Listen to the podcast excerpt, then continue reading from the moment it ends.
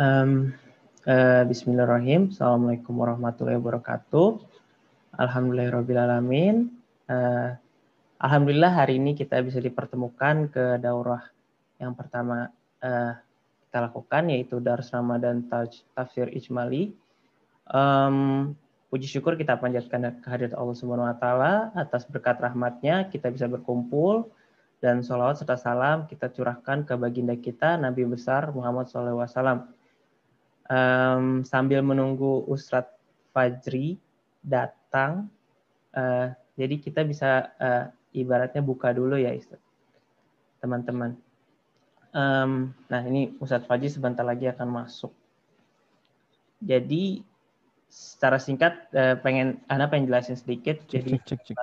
rangkaian Ramadan yang teman-teman lebih jelasnya bisa lihat infonya di uh, Yayasan Pesan Bisa Instagramnya. Dan ini salah satu rangkaian adalah tafsir ijmali yang akan diisi oleh Ustadz Nur Fajri. Mungkin uh, uh, peraturan, sing, uh, peraturan singkat, mungkin kalau ada pertanyaan boleh langsung di drop di chat atau uh, akhwat uh, di, uh, tidak dianjurkan untuk membuka uh, video, sedangkan Ikhwan sangat dianjurkan untuk membuka video. Nanti kalau misalnya pertanyaan boleh dibuka mic. Sekian tanpa berlama-lama uh, Ustadz Fajri. Alhamdulillah sudah datang ya Ustadz ya. Cek. Cek cek cek. Iya, nama saya Nur Fajri ya. Iya. Nah. Tadi acara salam nama saya kebab. Belum di rename. Oke, okay, saya make up. Uh, ya, saya karena ini pakai akun orang. Oke, tanpa berlama-lama mungkin bisa saya serahkan ke Ustadz Fajri ya. Oke. Okay. Terima kasih.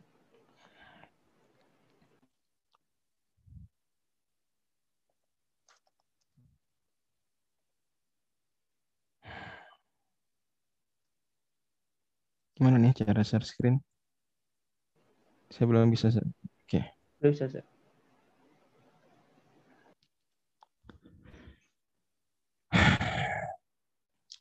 Bismillahirrahmanirrahim. Assalamualaikum warahmatullahi wabarakatuh. Alhamdulillah wa kafa sallallahu ala nabi Mustafa wa ala alihi wa sahbihi asyidikum wa fawba'd. Para jamaah yang dirahmati Allah Subhanahu wa taala, ini adalah rangkaian tafsir ijmali membahas secara umum daripada juz-juz Al-Quran dan juz yang kita bahas setiap harinya satu juz saja dalam durasi kurang lebih 30 menit. Dan mohon maaf waktunya mungkin malam, tidak harus didengarkan malam-malam, bahkan tidak harus didengarkan sejujurnya, hanya jika Bapak Ibu berkenan saja untuk mendengarkan. Uh, dan ada rekamannya insya Allah. Juz yang kita bahas adalah juz pertama untuk malam ini, malam pertama bulan Ramadan. Di mana juz pertama terdiri dari surat Al-Fatihah dan juz uh, pertama juga terdiri dari sebagian surat Al-Baqarah. Surat Al-Fatihah dan 141 ayat dari surat Al-Baqarah. Juz ini berakhir di ayat 141 dari surat Al-Baqarah. Uh, dan sebagaimana ditegaskan oleh para ulama yang menjelaskan pembagian 30 juz Al-Quran. Dan penting diingat bahwa pembagian juz Al-Quran menjadi 30 juz bukan dari Nabi Shallallahu Alaihi Wasallam bukan pula dari sahabat, tapi dari generasi tabi'in, di mana mereka kemudian ingin mengamalkan hadis Nabi Shallallahu Alaihi Wasallam riwayat Bukhari, Iqra'il Qur'an fi syahr. Tamatkan Al-Quran dalam tempo sebulan. Lantas, kemudian mereka membagi Al-Quran bagaimana biar bisa khatam sebulan. Mereka kemudian membagi kurang lebih sebulan ini 30 hari 30 hari. Maka mereka bagi menjadi 30 hari. 30 bagian. Dan mereka membaginya agar seimbang. Karenanya nanti mungkin pada beberapa kasus, seperti Imam An-Nawawi rahimahullah jelaskan dalam kitab Atibian, ada beberapa titik-titik bagian juz yang sebetulnya tidak begitu akurat secara wakaf. Hanya saja insya Allah kita di pengajian kali ini coba tetap konsisten di atas pembagian wakaf dan pembagian wakaf yang akan kita pilih mengikuti standar Musaf Kairo atau Musaf Musaf Kairo, mengikuti standar Musaf Kairo. Dan Musaf Madinah sama dalam hal pembagian tersebut yang sedikit berbeda Musaf Indonesia dan beberapa juz berbeda seperti di juz 23. Baik. Uh, soalnya kita akan melewati beberapa topik penting nanti dalam 30 menit di setiap jusnya. Di antara hal yang tidak akan kita lewatkan adalah membahas tentang tema besar. Tema besar setiap surat yang kita lewati. Dan memang pada akhirnya surat-surat Al-Quran memiliki uh, sebuah tema besar yang menghimpun semua ayat yang di dalamnya. Setiap surat, sepanjang apa pun surat tersebut pasti memiliki satu tema besar. Kembali semua kisah, semua contoh, semua hukum fikih, semua perkara-perkara akidah di dalam surat tersebut kembali menegaskan tema besar tadi. Tema besar surat Al-Fatihah adalah pemaparan pokok-pokok Islam dan Al-Quran. Pemaparan pokok-pokok Islam dan pokok-pokok Al-Quran. Karena kita bisa memberikan sebuah perumpamaan bahwa halaman pertama dari Al-Quran ibarat prolog. Ibarat prolog dari Al-Quran. Atau kalau Anda mau umpamakan dengan umpama yang lain, ibarat abstrak bagi teman-teman yang mungkin sering membaca jurnal, maka surat Al-Fatihah ibarat abstrak dari Al-Quran.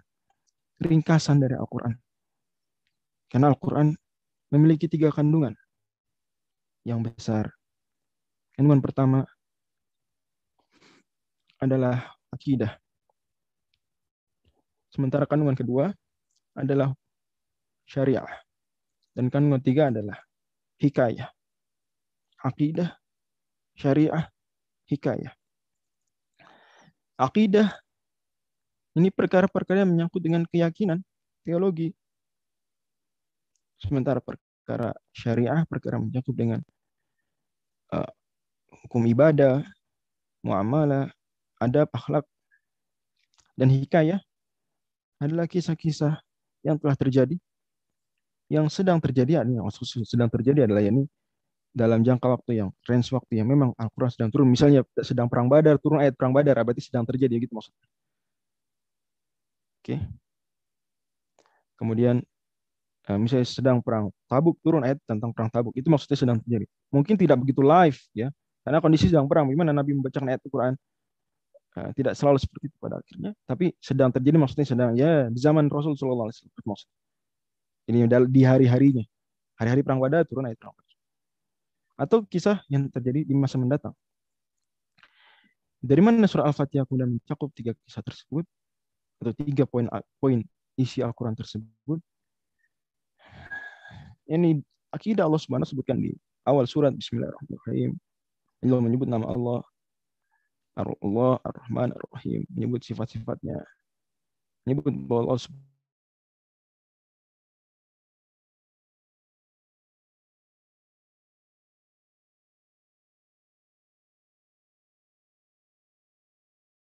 Subhanahu wa taala Malik Yawmiddin.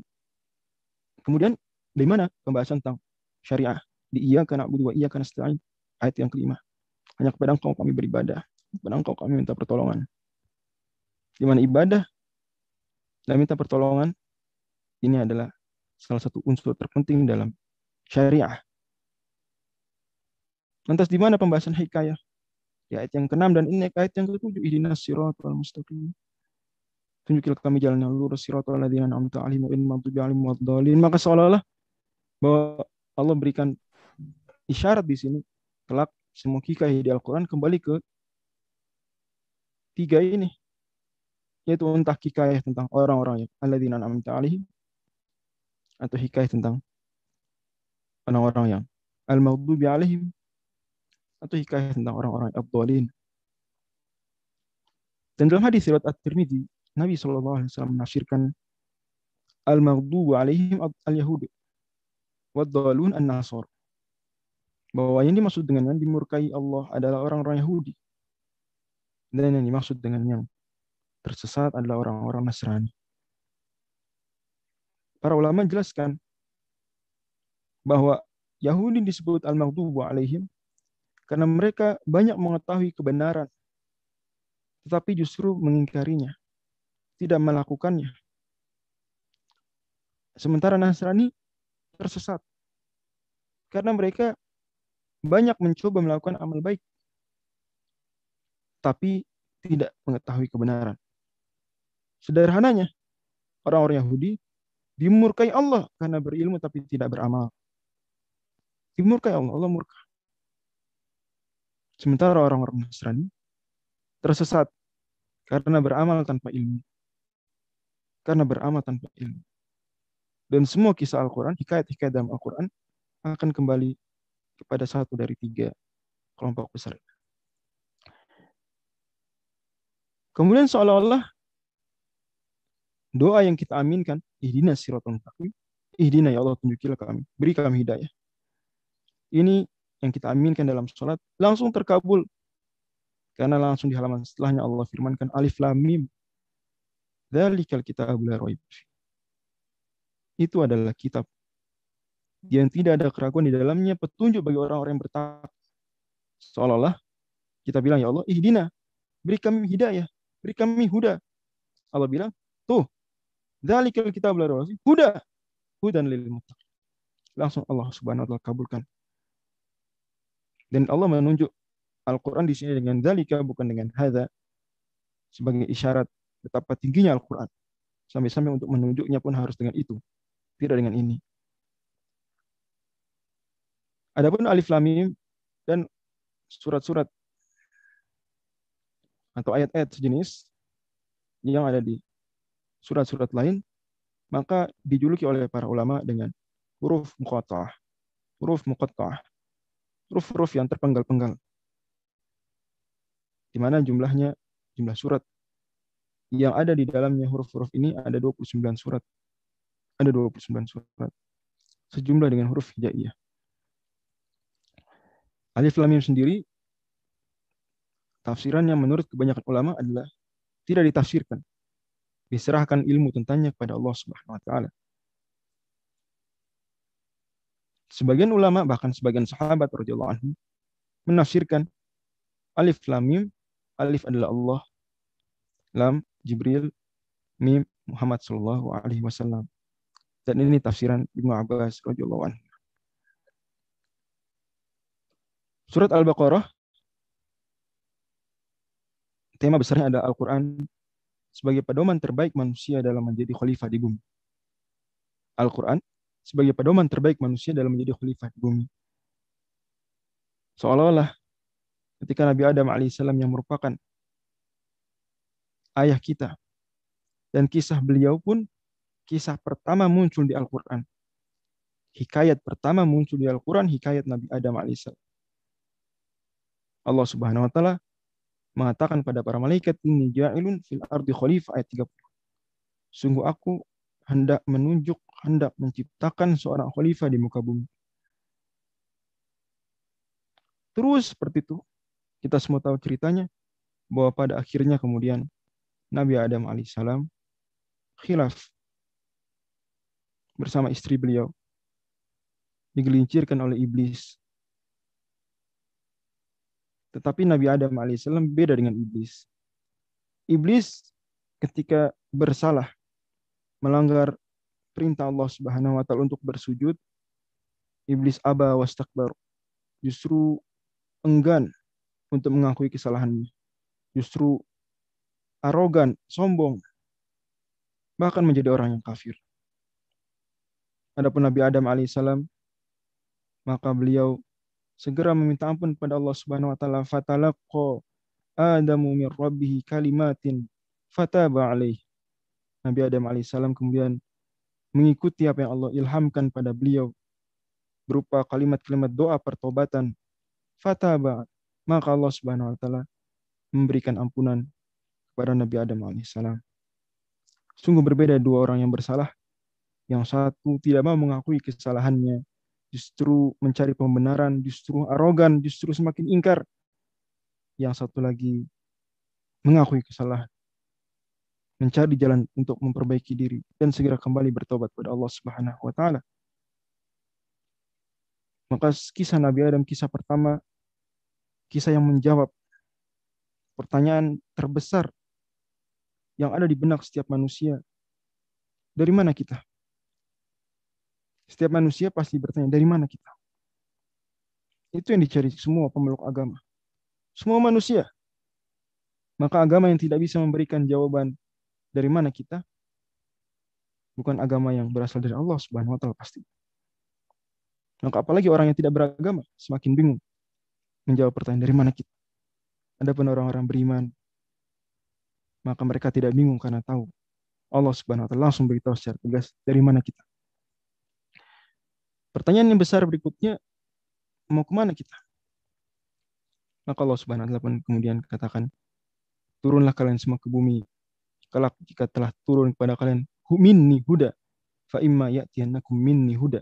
Kalau sudah datang kepada engkau, kepada kalian wahai Nabi Adam, wahai Hawa, wahai kalian semua manusia, minni huda, dariku petunjuk. Lagi-lagi kita bertemu dengan kata huda. Jadi maksudnya wahyu Allah Subhanahu wa taala termasuk dari Al-Qur'an. Maka Al-Qur'an adalah pedoman terbaik manusia menjadi khalifah di muka bumi. Barang siapa yang mengikuti petunjuk tersebut, dia mendapatkan kebahagiaan dunia dan akhirat. Barang siapa yang ingkar, mendapatkan kerugian dunia dan akhirat. Ini menjawab pertanyaan besar berikutnya, mau ke mana kita? Mau ke mana kita? Dan itu kisah pertama dan dirangkai oleh Allah Subhanahu wa taala di juz ini dengan enam kisah lainnya. Kisah Bani Israel sejak Exodus, sejak keluar dari Mesir menuju ke Palestina hingga mereka membebaskan Al-Quds. Secara ringkas. Walaupun Allah Subhanahu wa taala kemudian memaparkan betapa Bani Israel justru tidak bersyukur atas banyak nikmat-nikmat Allah yang telah Allah berikan kepada mereka. Dan penyebutan Bani Israel adalah karena tidak lain surat Al-Baqarah adalah surat Madaniyah. Surat yang turun setelah Nabi Shallallahu Alaihi Wasallam sudah tiba di kota Madinah dan kota Madinah di sana banyak ahli kitab, terutama dari kalangan Yahudi. Adapun surat Al-Fatihah surat Makkiyah. Maka begitu nampak ciri khas Makkiyah dan Madaniyah, perbedaannya antara cara Allah berbicara di surat Al-Fatihah dan cara Allah berbicara di surat Al-Baqarah.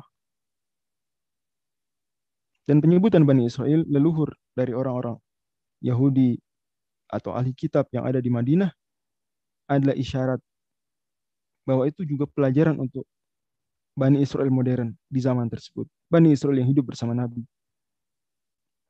Tidak cukup di situ, pun itu isyarat, nasihat, pelajaran bagi orang-orang Islam. Pengikut Nabi Muhammad SAW saat itu agar jangan meniru langkah-langkahnya Bani Israel dahulu dengan tidak mensyukuri Allah Subhanahu wa taala. Allah bebaskan mereka dari belenggu penjajahan Firaun tapi mereka justru malah menyembah sapi berhala sapi emas. Allah Subhanahu wa taala bebaskan Al-Quds, taklukan Al-Quds untuk mereka. Tapi justru mereka disuruh masuk ke dalam kota tersebut dalam keadaan tunduk mengucapkan hittah ampunilah aku ya Allah. Marah mereka masuk ke dalam kota dengan membelakangi kota seraya menghina dan mengatakan hintoh, hintoh, bukan hittah. Gandum, bukan minta ampun. Melecehkan Allah Subhanahu wa taala. Fabaddala alladziina zalamu minhum qawlan ghairal ladzi qila lahum. Mereka sebagian mereka ada yang mengganti ucapan yang telah diperintahkan pada mereka dengan ucapan lain. Karena itu Allah Subhanahu wa taala ingatkan juga dan kisah lain, kisah ashab sabat walaupun sangat ringkas Kata Allah, وَلَقَدْ عَلِمْتُمُ الَّذِينَ اعْتَدَوْا مِنْكُمْ فِي السَّبَتِ فَقُلْنَا لَهُمْ كُونُوا كِرَةً خَاسِئِينَ Sungguh kalian telah tahu orang-orang yang melampaui batas. Sebentar saya full screen kan. Melampaui batas di hari Sabtu, yakni Sabat. Kisah lengkapnya nanti akan ada di surat Al-A'raf. Maka kami kemudian katakan pada mereka, jadilah kalian kera-kera yang hina Kemudian juga kisah yang bahkan menjadi nama surat Al-Baqarah. Kisah Baqarah. Ketika Allah Subhanahu wa taala firmankan di ayat 67 Wa idh qala Musa liqaumi inna Allah ya'murukum an tadhbahu baqarah. Dan ingatlah ketika Nabi Musa alaihissalam berkata kepada kaumnya, sungguh Allah Subhanahu wa taala perintahkan kalian untuk menyembah seekor sapi. Sapi apa pun. Tapi mereka terus bertanya, bertanya, bertanya deskripsi lanjutan, sifat lanjutan, kriteria lain daripada sapi tersebut sehingga akhirnya justru kriteria yang dijawab Nabi Musa AS semakin memberatkan mereka wa makadu yaf'alun sampai-sampai mereka hampir-hampir tidak menemukan. Mungkin muncul pertanyaan, ada apa gerangan? Kok Nabi Musa nyuruh mereka untuk menyembelih seekor sapi? Maka Allah Subhanahu wa taala kemudian menjelaskan di ayat yang ke-70. Tiga, bahwa. Pukulkanlah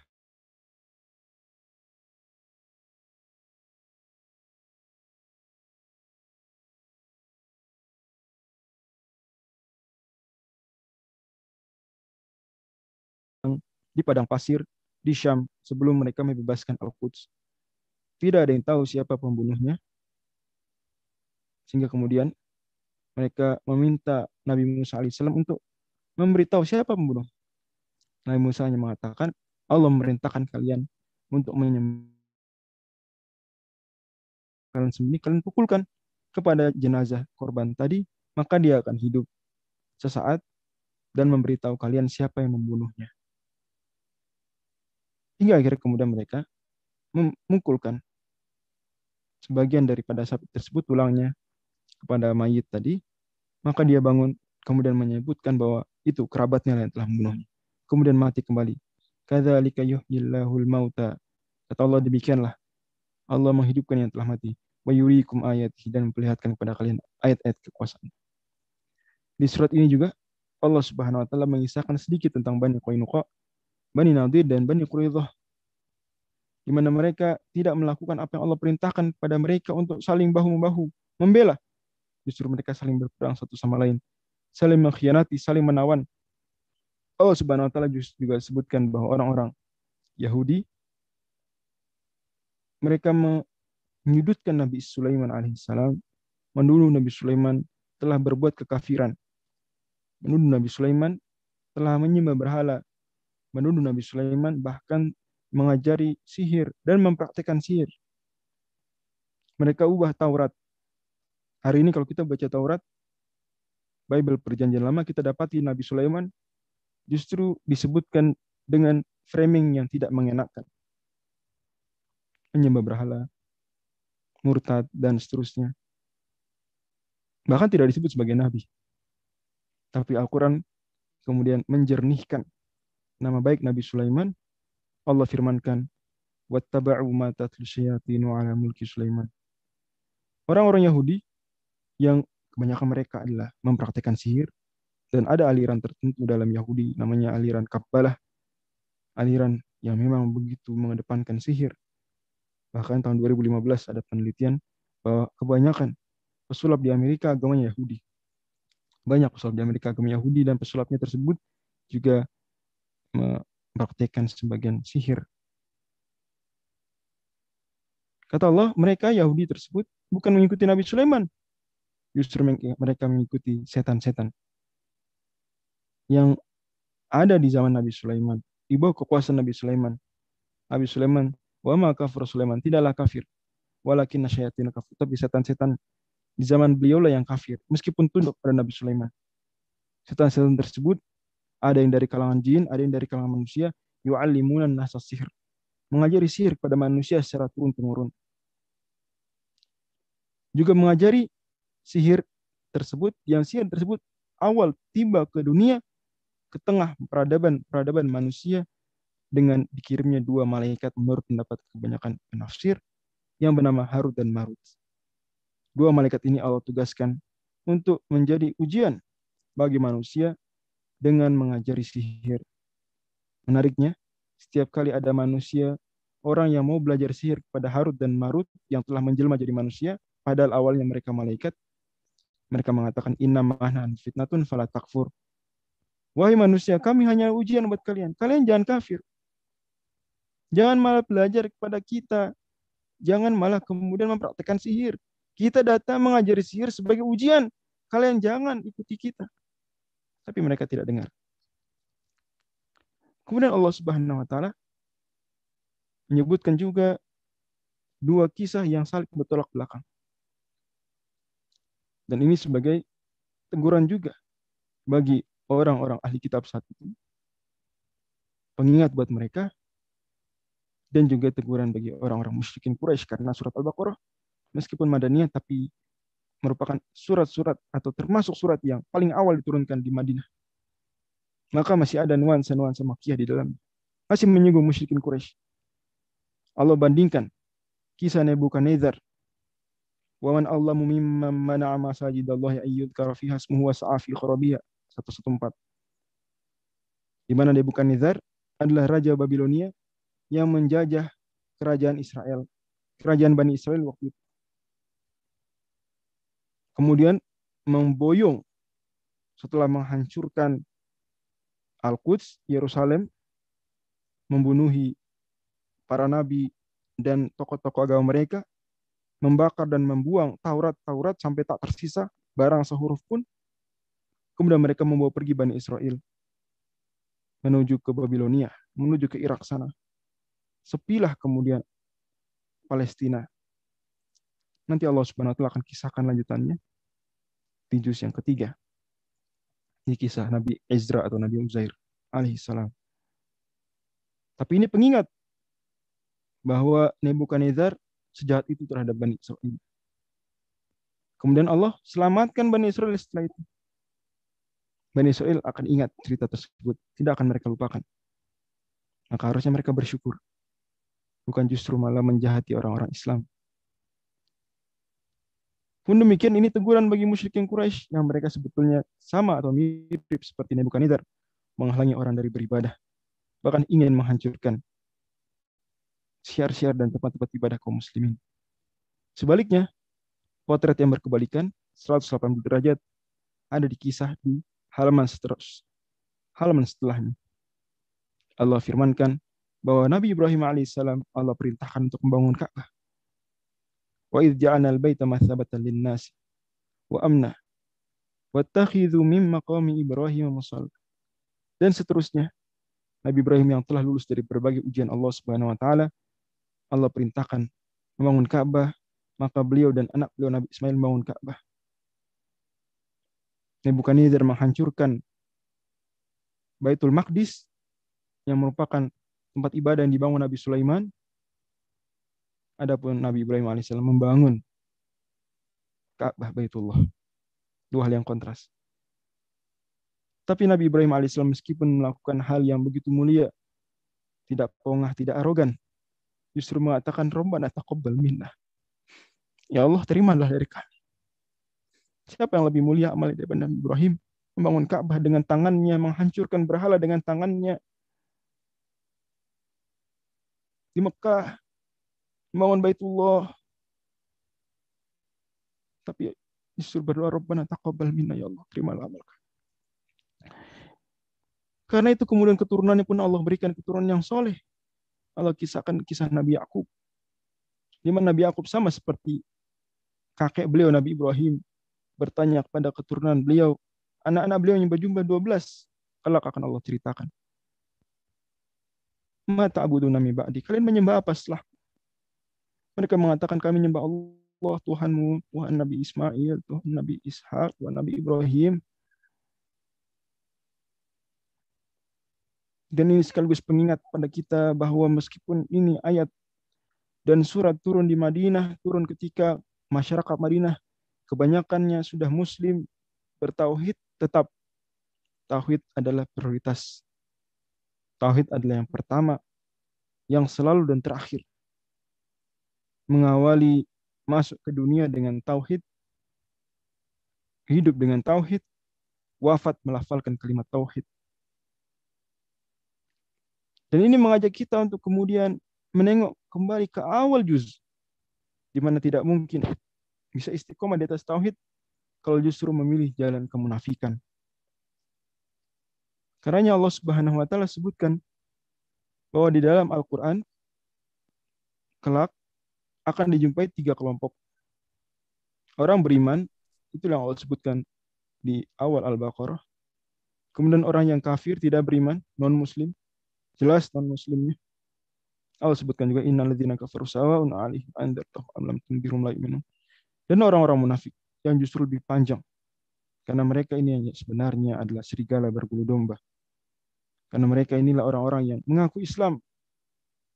Coba melafalkan kalimat tauhid. Tapi tidak tulus karena di hatinya adalah kafir. Mengatakan di depan orang beriman amanah.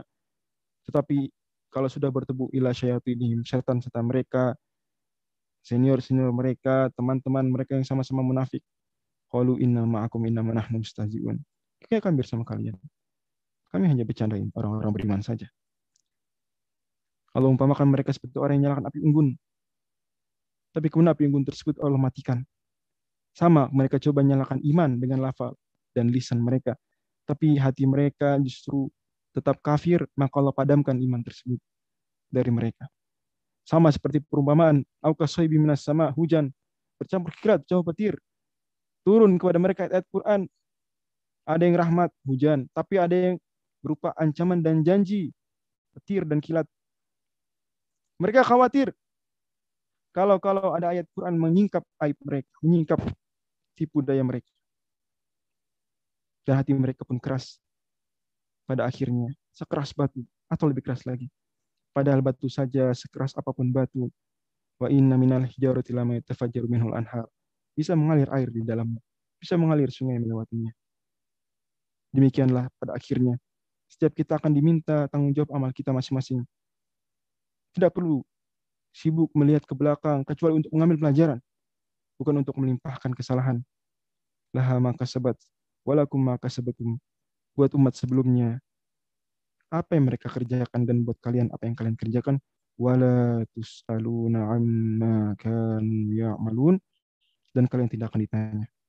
Tidak akan diminta pertanggungjawaban atas apa yang mereka kerjakan, tapi hanya atas apa yang kalian kerjakan. Wallahu a'lam bishawab. Assalamualaikum warahmatullahi wabarakatuh.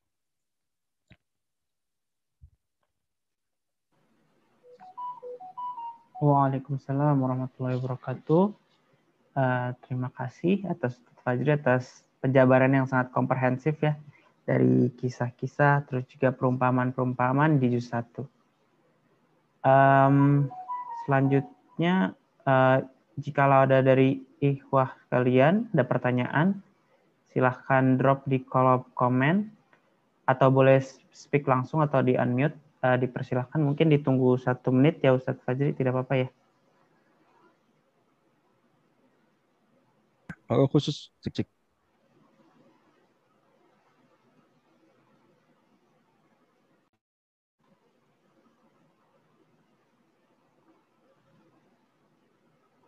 Uh, khusus pertanyaan, uh, ini enggak Nggak ada ya Ustaz? Matikan nanti nyalakan. Matikan nanti nyalakan lagi. Maaf tadi putus-putus Ustaz, gimana? Iya. Um. Recordingnya dimatikan, terus lanjut lagi. Oh. Biar terpisah filenya dari materi.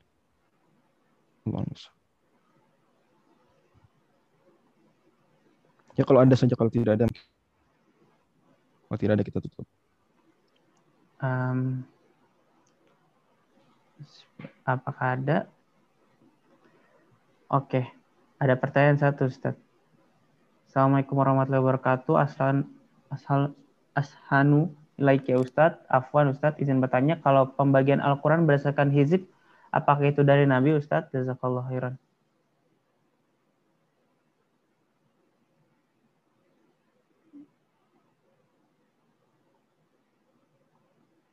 bahasa para sahabat membagi hizib. Sebagaimana pertanyaan, kaifatu hazib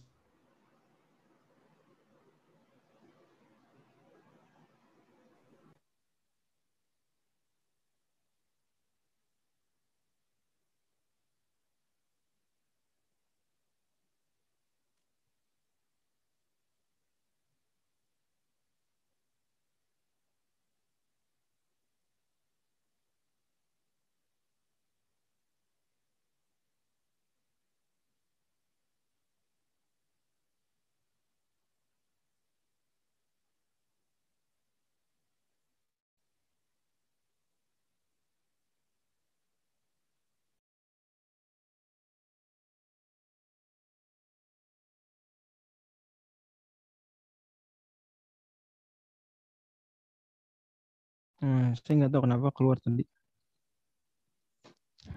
Sudah balik lagi ya? Udah kedengeran belum? Sudah, Ustaz. Oke. Uh, tadi pertanyaannya hizab. Jadi kalau yang dimaksudkan hizab adalah uh, setengah juz, bagaimana di Quran, maka itu dibagi oleh tabiin, bukan oleh Nabi Shallallahu Alaihi Wasallam.